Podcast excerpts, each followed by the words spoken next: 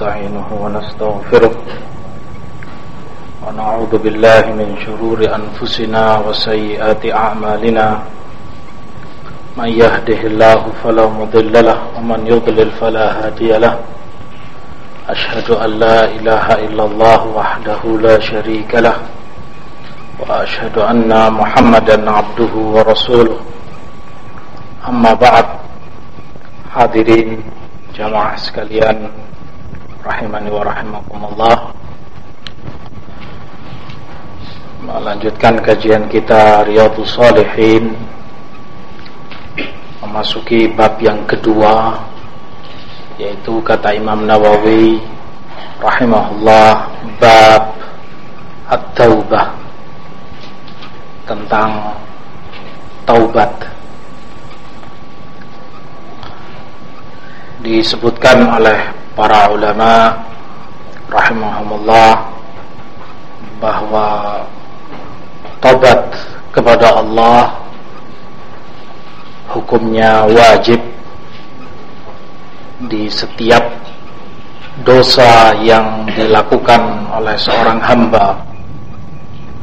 Bertobat kepada Allah hukumnya wajib pada setiap dosa yang dilanggar oleh seorang manusia. Kalau dosa tersebut atau suatu maksiat itu kaitannya adalah antara si hamba Bani Adam dengan Allah Tuhannya tidak ada sangkut pautnya dengan hak orang lain maka tobat itu untuk syarat sahnya menjadi tobat yang benar tobatan nasuha ada tiga syarat. Yang pertama al-iqla' anid bersegera meninggalkan maksiat yang telah dia lakukan menjauhi dosa yang dia terjerumus di dalamnya. Segera mungkin dia jauhkan dirinya. Syarat yang kedua an-nadamah penyesalan yang sungguh-sungguh. Dan itu hanya dirinya dan Allah yang tahu. Karena ini amalan hati. Si hamba menyesali atas apa yang telah ia lakukan. Si hamba menyesali karena dia telah melanggar larangan Allah Subhanahu wa taala telah melakukan dosa tersebut. Penyesalan yang sedalam-dalamnya dengan pengertian yang sesungguh-sungguhnya menyesali dalam artian seandainya dia selamat atau menjauh dari dosa tersebut penyesalan yang jujur terkadang menjadikan seorang hamba mencucurkan air matanya. Syarat yang ketiga al-azm tekad bulat dari si hamba untuk tidak kembali mengulangi perbuatan serupa. Tekad bulat dengan kesungguh-sungguhan niat agar dia tidak kembali melakukan dosa serupa di masa-masa yang akan datang. Tiga syarat ini harus terpenuhi kesemuanya. Kalau si hamba ingin taubatnya sahih Tobatnya diterima di sisi Allah Terhapus dosanya Salah satu dari tiga syarat ini Tidak terpenuhi maka tobatnya tidak sah bukan tobat yang nasuha, bukan tobat yang benar. Ketika seorang hamba menyesali tetapi dia tetap saja melakukan perbuatan dosa itu tidak menjauhkan dirinya dari maksiat tersebut tetapi tetap bercokol di tempat yang dia melakukan kemaksiatan itu tetap saja dirinya berdiam diri di tempat itu.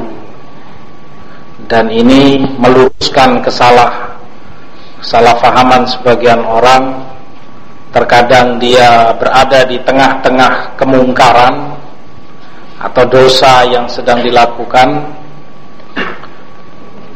dengan dalih yang penting hati saya membencinya, saya tidak ikut melakukan, saya e, mengingkari dalam hati, tetapi dia tetap bercokol di sana, di tengah-tengah orang-orang yang melakukan maksiat, tidak menjauhkan dirinya dari kemaksiatan itu, tidak sah tobatnya, atau dia jauhkan dirinya dari maksiat tersebut tetapi tidak ada rasa penyesalan dari dosa yang telah dia lakukan. Tidak merasa bersalah kepada Allah tidak merasa rugi dan menyesali perbuatan yang tercela tersebut. Sehingga terkadang wal billah dia tidak merasa malu untuk didengar atau diketahui orang kalau si fulan telah melakukan ini dan itu. Tidak menyesal dia atas dosa tersebut. Ini juga tobat yang tidak sah.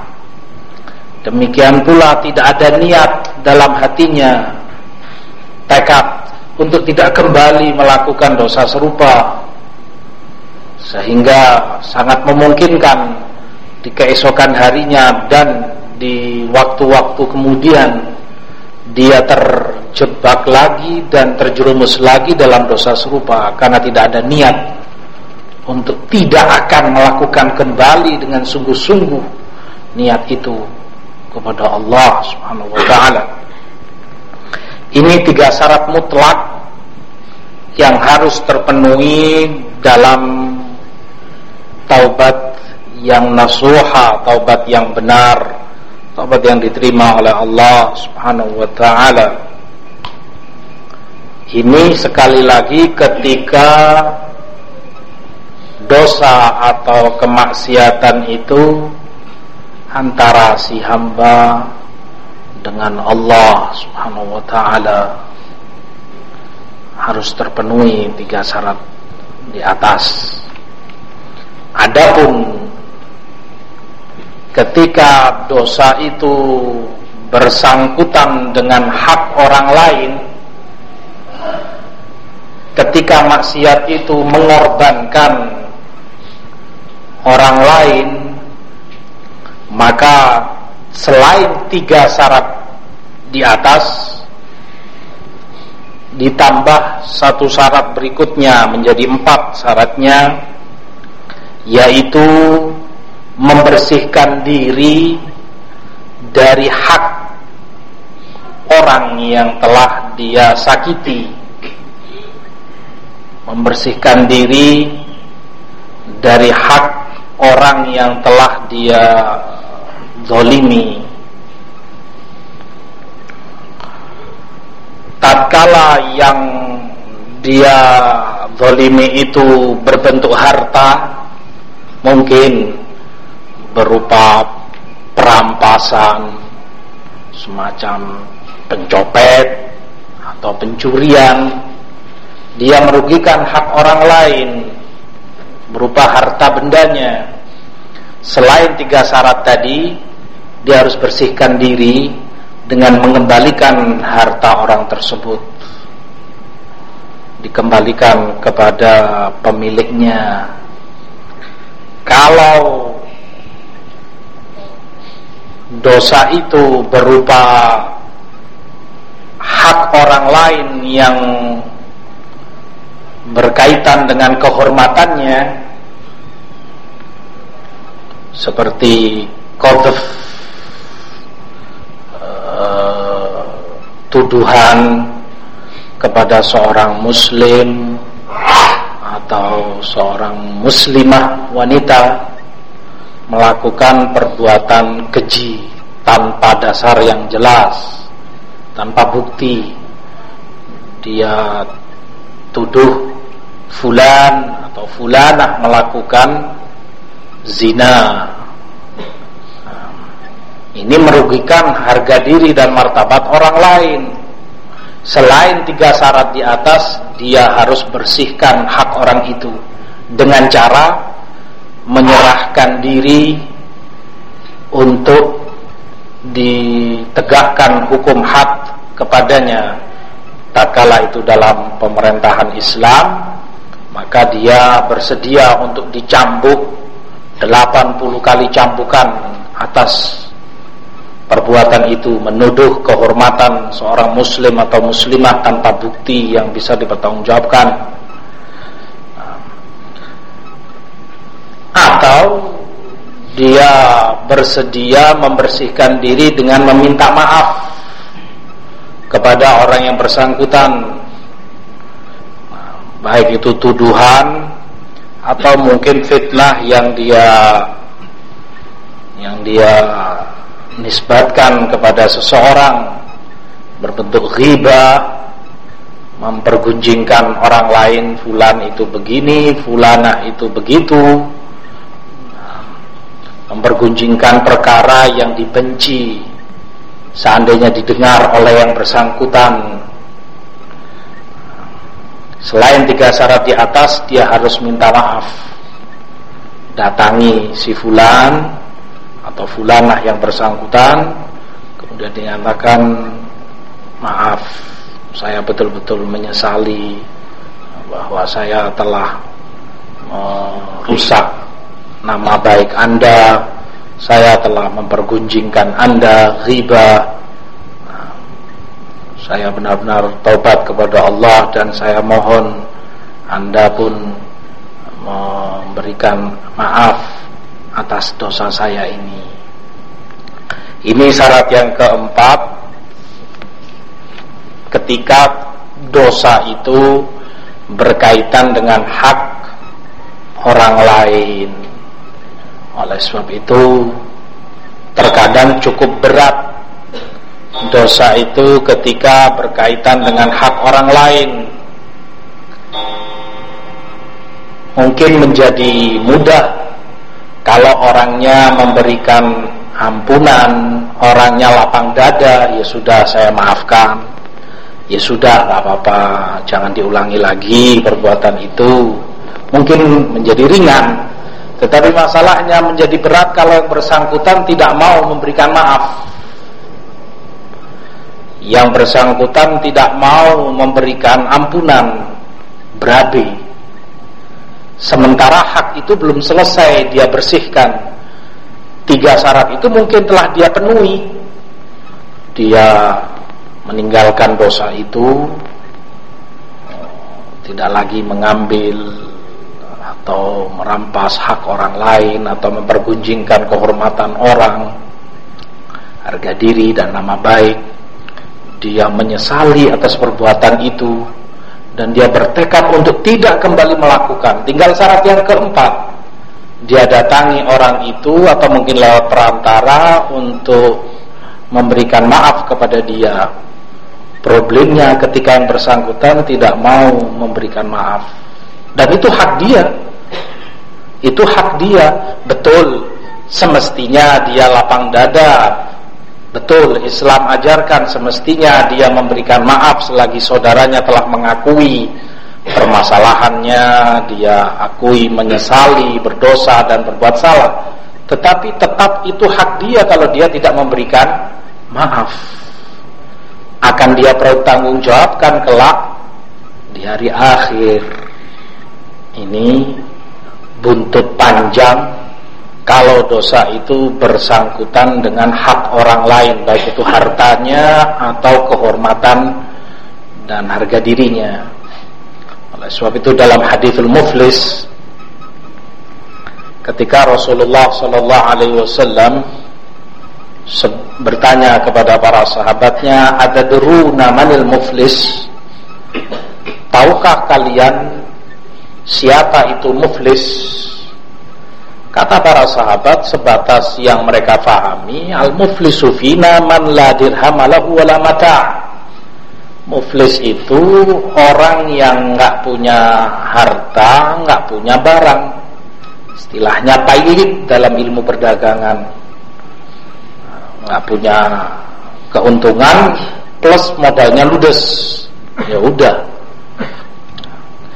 Kata Rasulullah al muflisu man ya'ti yaumal qiyamah bi salatin wa siyamin wa zakatin wa qad syatama hadha wa akhadha mala hadha wa safaka dama hadha bukan itu hakikat muflis orang yang merugi, orang yang pailit itu bukan itu.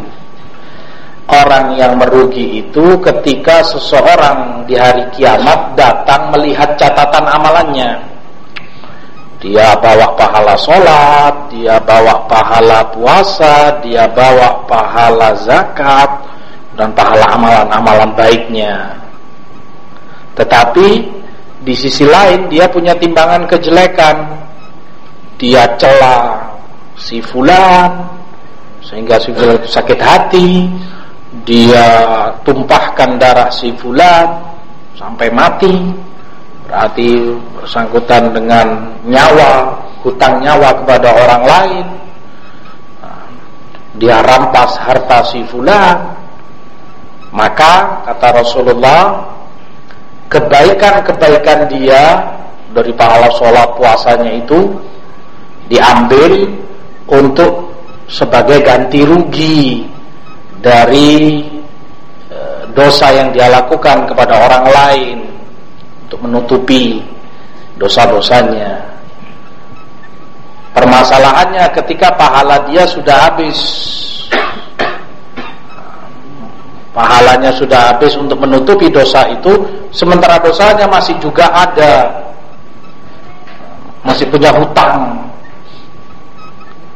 Apalagi yang mau dibayar pahalanya sudah ludes.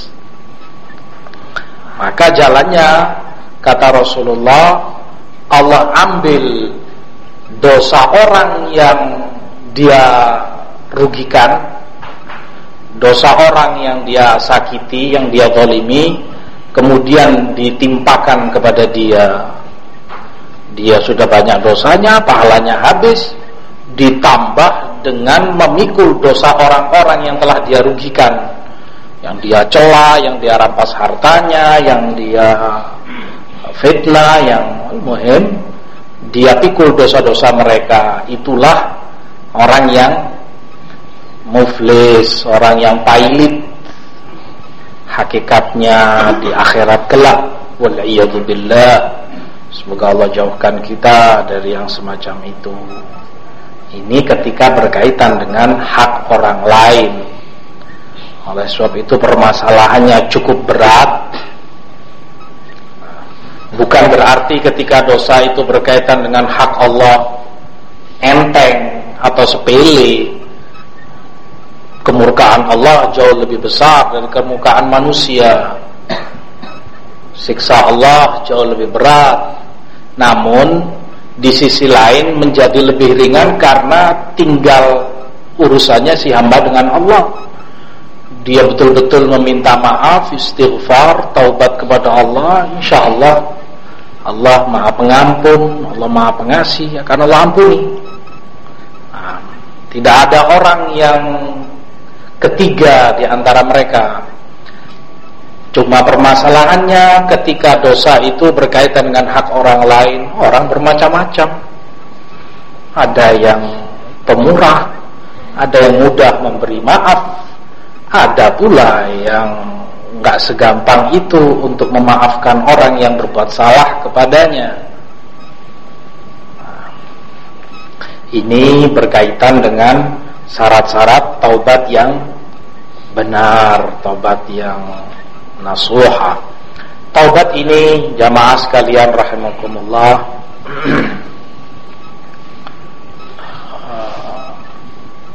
hukumnya seperti tadi disebutkan oleh para ulama wajib pada setiap dosa yang dia lakukan. Dan kalau si hamba memiliki catatan sekian dosa dan dia baru bertobat dengan sungguh-sungguh dengan syarat-syarat yang tadi disebutkan pada beberapa dosa yang dia lakukan sementara yang lainnya belum maka tobatnya itu benar sah sebatas dosa yang dia tobat padanya. Dia berzina dia mabuk-mabukan dia durhaka kepada orang tuanya. Yang dia penuhi syarat-syarat tobat itu baru masalah kedurhakaan dia kepada orang tuanya. Dengan syarat-syaratnya tadi yaitu sah diterima tobatnya oleh Allah dan benar terhapus dosanya.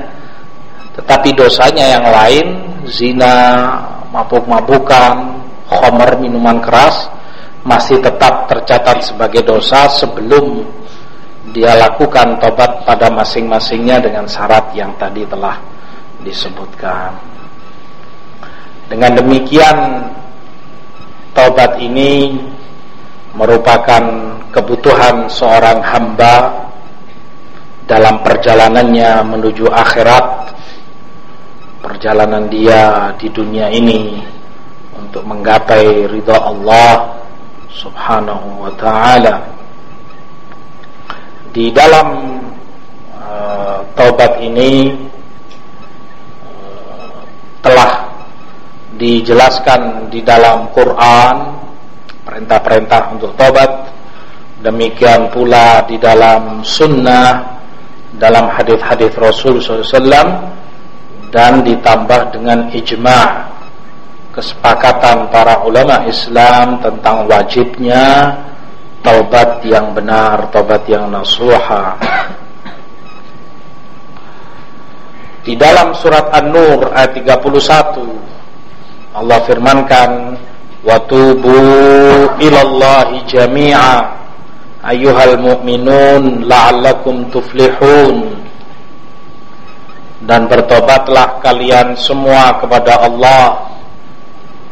Wahai kaum mukminin bertobatlah kalian semua kepada Allah agar kalian mendapatkan falah mendapatkan kebahagiaan dan hakikat kemenangan dunia dan akhirat perintah kepada segenap kaum mukminin untuk bertobat kepada Allah.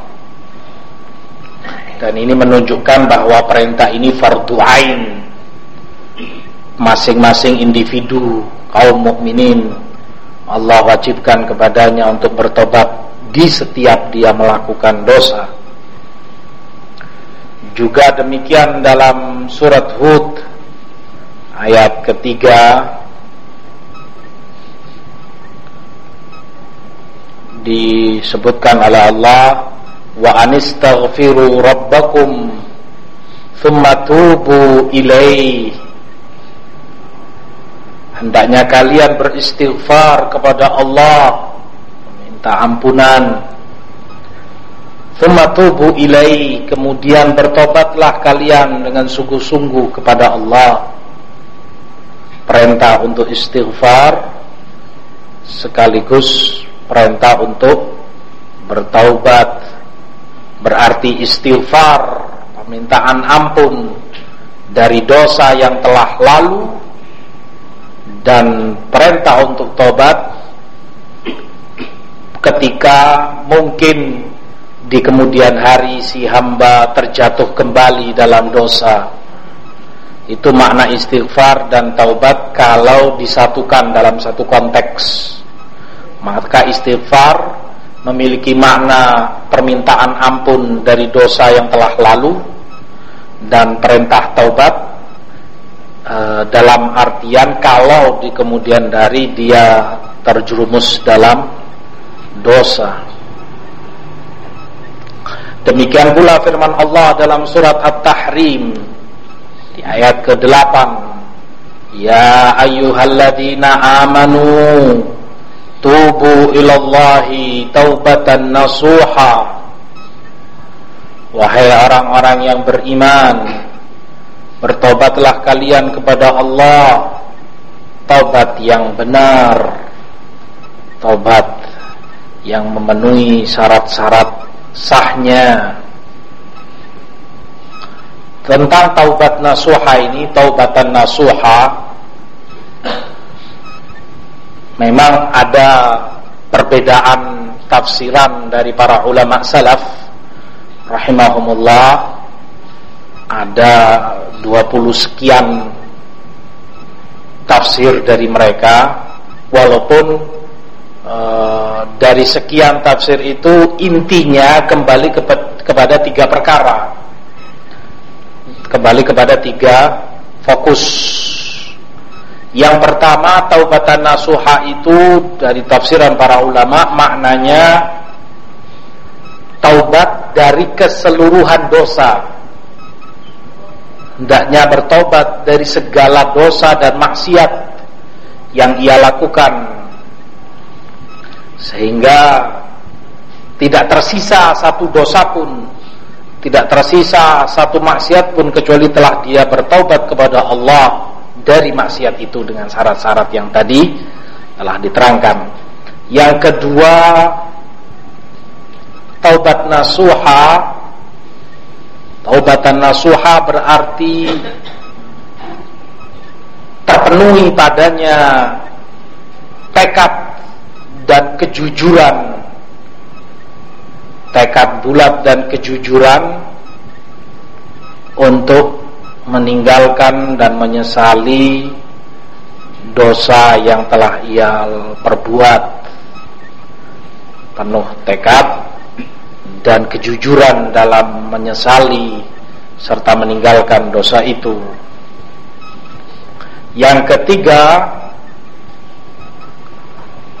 taubatan nasuha pula maknanya dibersihkan taubat itu dari niat-niat kotor dibersihkan dari maksud-maksud jelek yang menggores kemurnian taubat tersebut yang menafikan keikhlasan dia dalam bertaubat.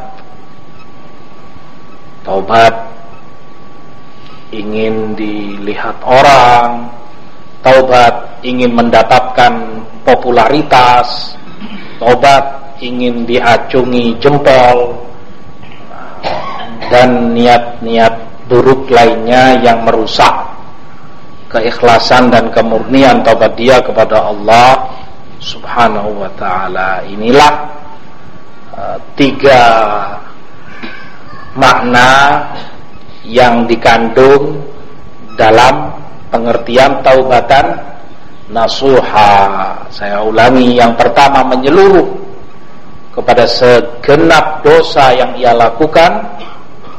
Setiap dosa itu dia bertobat kepada Allah.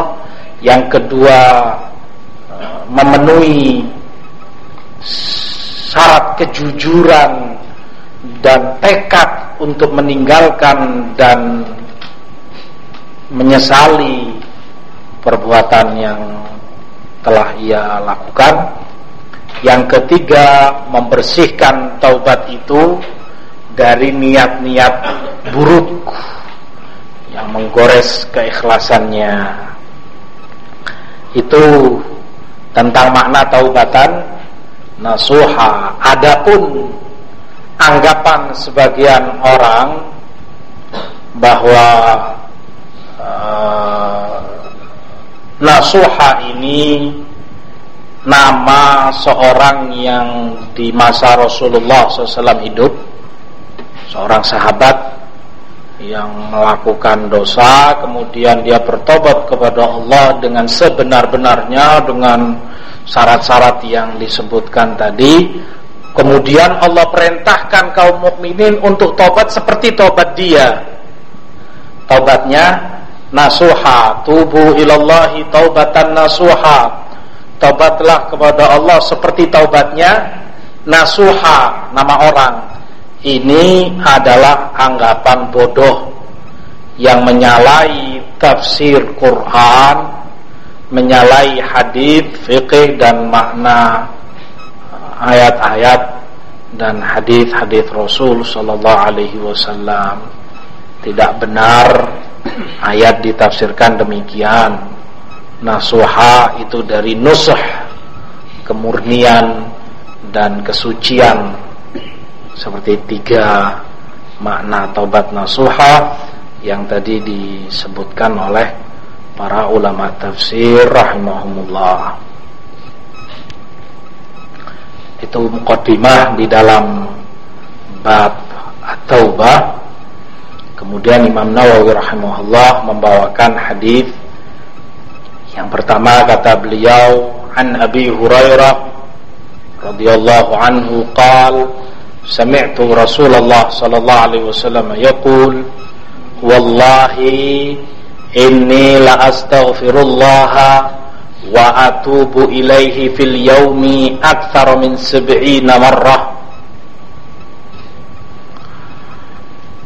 Buhurinya aku mendengar Rasulullah Sallallahu alaihi wasallam bersabda Demi Allah Aku beristighfar kepada Allah.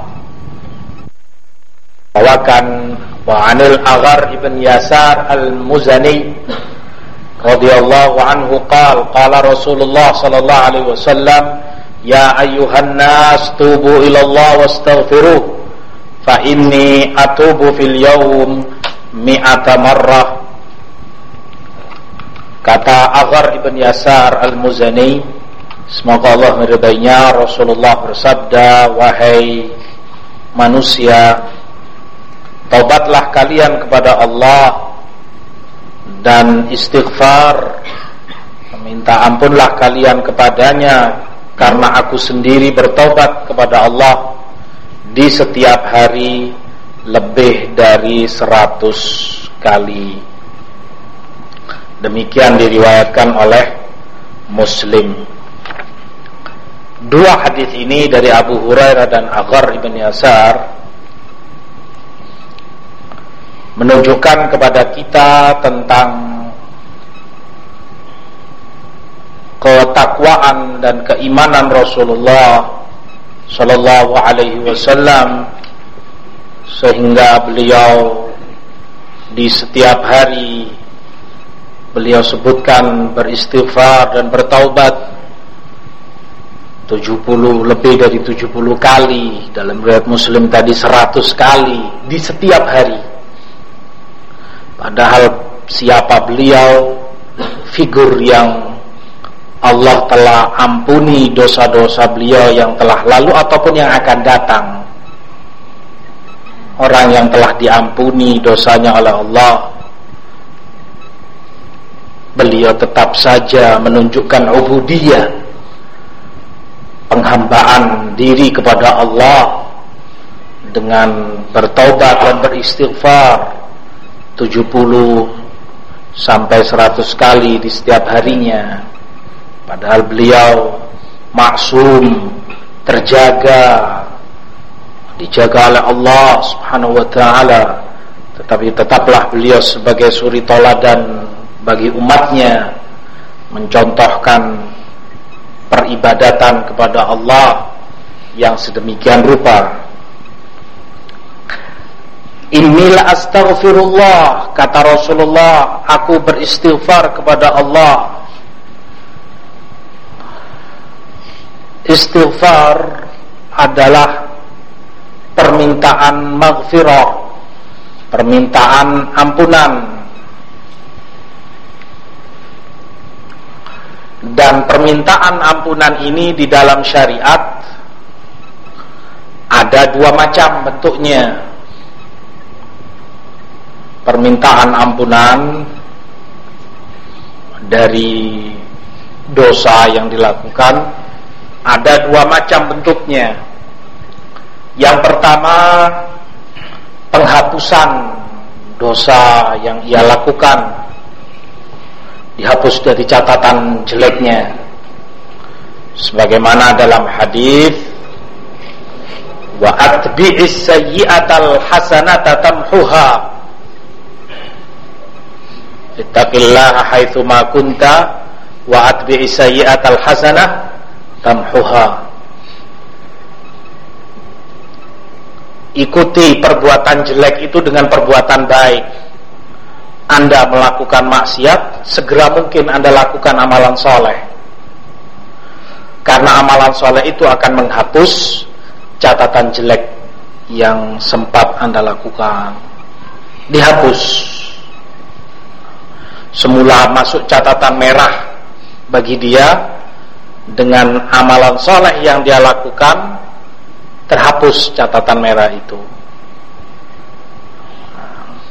Dan ini martabat ini disebut martabat al-afu. Martabat al-afu. Afun. Ketika seorang hamba meminta al-afu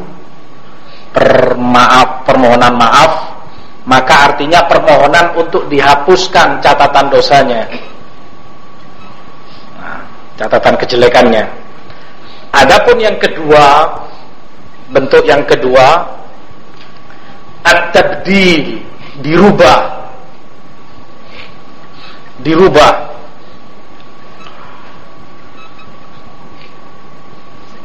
sebagaimana dalam surat Al-Furqan ayat 70 firman Allah wa man taba wa amila salihan wa man taba wa amana wa amila amalan salihan faulaika yubaddilullahu sayyi'atihim hasanat wa kana Allahu ghafurur rahima.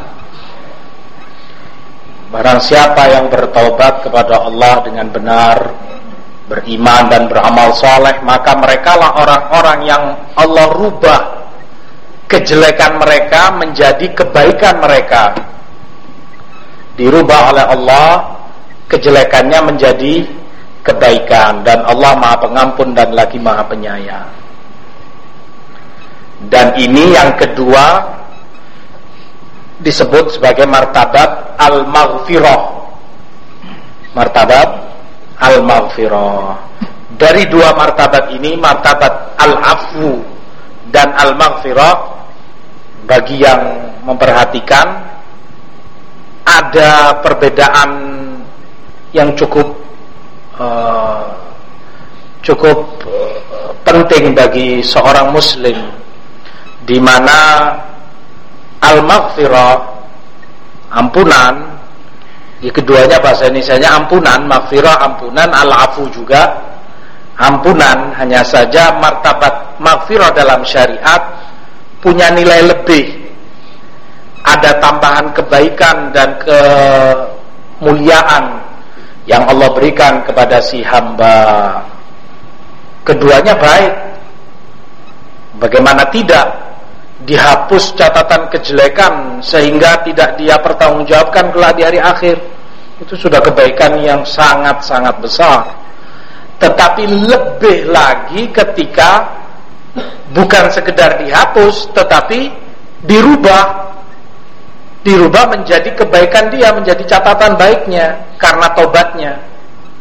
Karena permintaan istighfar dia. Permintaan ampunan. Sehingga maghfirah ini martabatnya lebih tinggi dibanding al-afu. Semestinya seorang hamba lebih banyak meminta maghfirah daripada permintaan al-afu. Walaupun kedua-duanya boleh dan bagus permintaan do, di dalam doa untuk meminta al-afu. Allahumma innaka karimun tuhibbul afwa. Innaka afuun karimun tuhibbul afwa. Fa'fu anni fa'fu anna. Ya Allah engkau itu karim pemurah afuun maha pemberi maaf ampunan maka ampuni fa'fu anna ampuni dosa-dosa kami. Artinya martabat al-afu hapuskan catatan-catatan dosa kami. Ya sekedar dihapus. Sudah bagus. Tetapi tentunya semestinya seorang muslim mencari yang lebih tinggi yang keutamaannya dan fadilahnya jauh lebih besar yaitu permintaan maghfirah permintaan maghfirah. Dan ini salah satu bukti e, bahwa terkadang tidak cukup memahami syariat dengan bahasa kita. Karena dalam bahasa kita tidak ada beda antara maghfirah dengan al-afu. Apanya mau dibedakan? Ini maaf ini juga maaf ini ampunan yang itu juga ampunan. Nggak bisa dibedakan.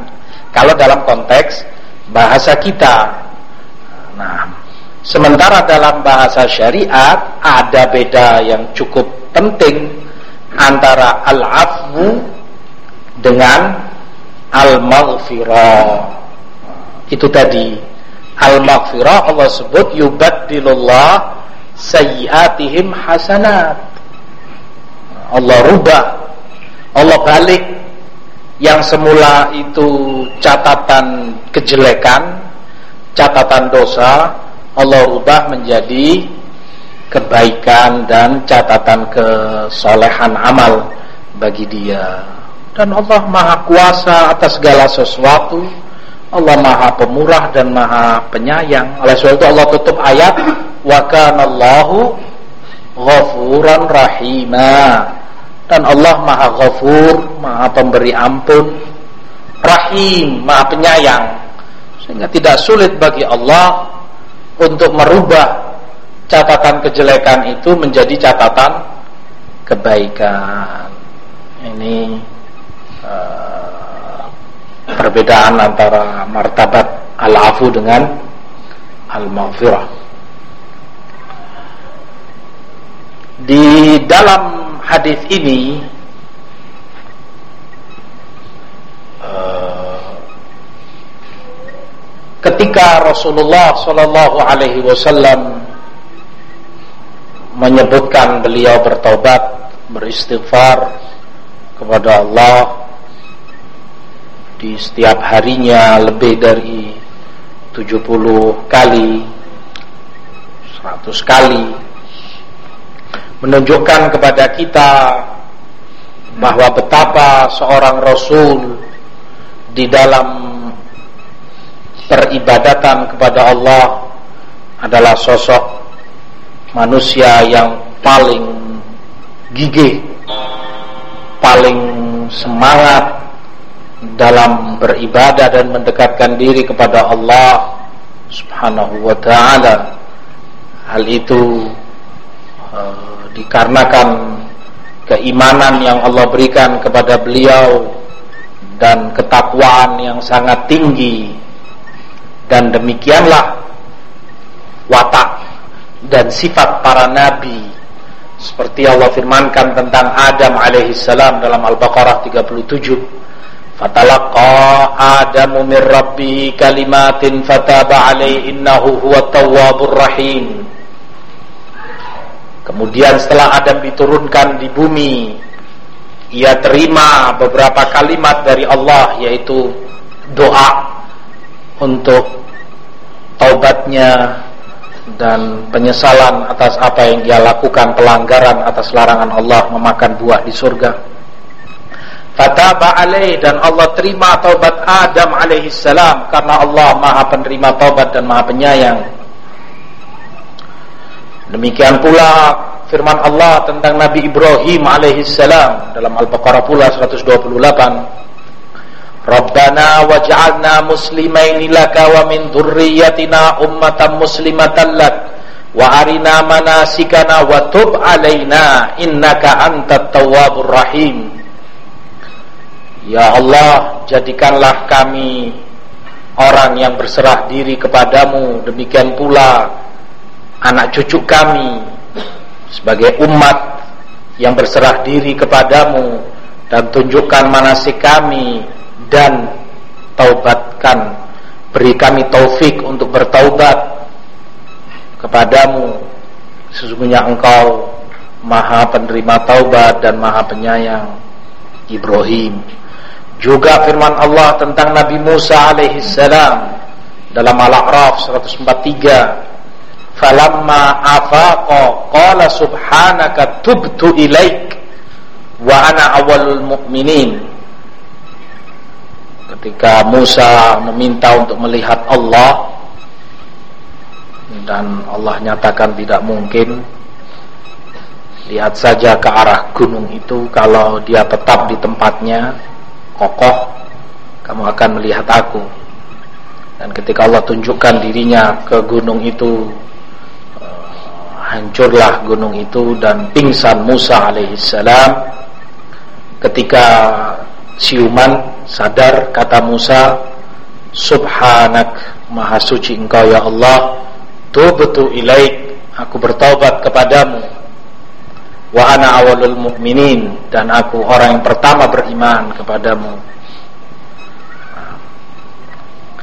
Ini para anbiya Adam, Ibrahim, Musa alaihissalam. Nah, demikian pula sosok Rasul sallallahu alaihi wasallam sebagai khatamal anbiya wal mursalin penutup para nabi dan beliau nabi yang paling mulia, rasul yang paling mulia di sisi Allah tentu lebih di dalam pendekatan diri beliau kepada Allah bertaubat dan beristighfar kepada Allah Subhanahu wa taala. Di dalam hadis ini pula menunjukkan kepada kita pentingnya memperbanyak istighfar dan taubat kepada Allah Subhanahu wa taala. Sekaligus pentingnya musaraah hadis ini menunjukkan mempercepat dalam bertaubat. Sehingga Rasulullah sebutkan di setiap harinya beliau lebih dari 70 bahkan 100 kali menunjukkan Semestinya demikian seorang muslim di setiap harinya mempercepat diri untuk segera bertaubat kepada Allah, mempercepat istighfar, permintaan ampun kepada Allah ketika dirinya merasa telah terjatuh dalam suatu maksiat atau dosa tertentu taubat ini atau istighfar permintaan ampun kepada Allah disyaratkan haruslah murni kepada Allah. Oleh sebab itu di dalam Quran selalu taubat itu dinisbatkan kepada Allah Selalu tobat atau istighfar itu dinisbatkan kepada Allah. Seperti firman Allah dalam surat At-Tahrim ayat keempat intatuba ilallah faqad saqat qulubukuma kalau kalian bertobat kepada Allah kalian berdua faqad saqat qulubukuma telah bersih hati kalian. Taubat kepada Allah Watubu ilallahi jami'an ayyuhal mu'minuna la'allakum tuflihun. Dalam An-Nur 31 Tobatlah kalian kepada Allah Keseluruhan kalian wahai kaum mukminin Agar kalian bahagia Dunia akhirat. Sehingga ini syarat. Taubat itu harus Kalau diterima, ingin diterima Allah Untuk dan hanya kepada Allah semata. Kalaulah seorang meninggalkan dosa Karena cintanya kepada hartanya tidak akan diterima taubatnya oleh Allah. Meninggalkan dosa karena takut namanya tercemar namanya jelek bukan karena Allah taubat meninggalkan dosa itu tidak akan diterima taubatnya.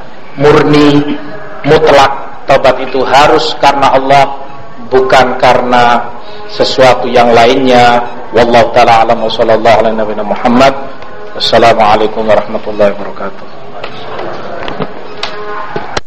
Ya, sengaja dibawakan secara panjang lebar untuk membantah tafsir dari Mujahid rahimahullah yang menyatakan perubahan itu hanya perubahan hati. Akhlaknya dirubah seperti akhlak monyet sifatnya tetapi ciptaannya tetap manusia. Ini tafsiran yang salah dari beliau rahimahullah tertolak. Tidak bisa diterima. Karena menyalahi tafsir jumhur ulama bahkan antara mereka ada Ibn Abbas radhiyallahu taala anhuma. Wallahu taala alam. Kelanjutannya insyaallah pekan depan. Subhanaka wa bihamdika. La ilaha illa anta astaghfiruka wa atubu ilaik. Wassalamu warahmatullahi wabarakatuh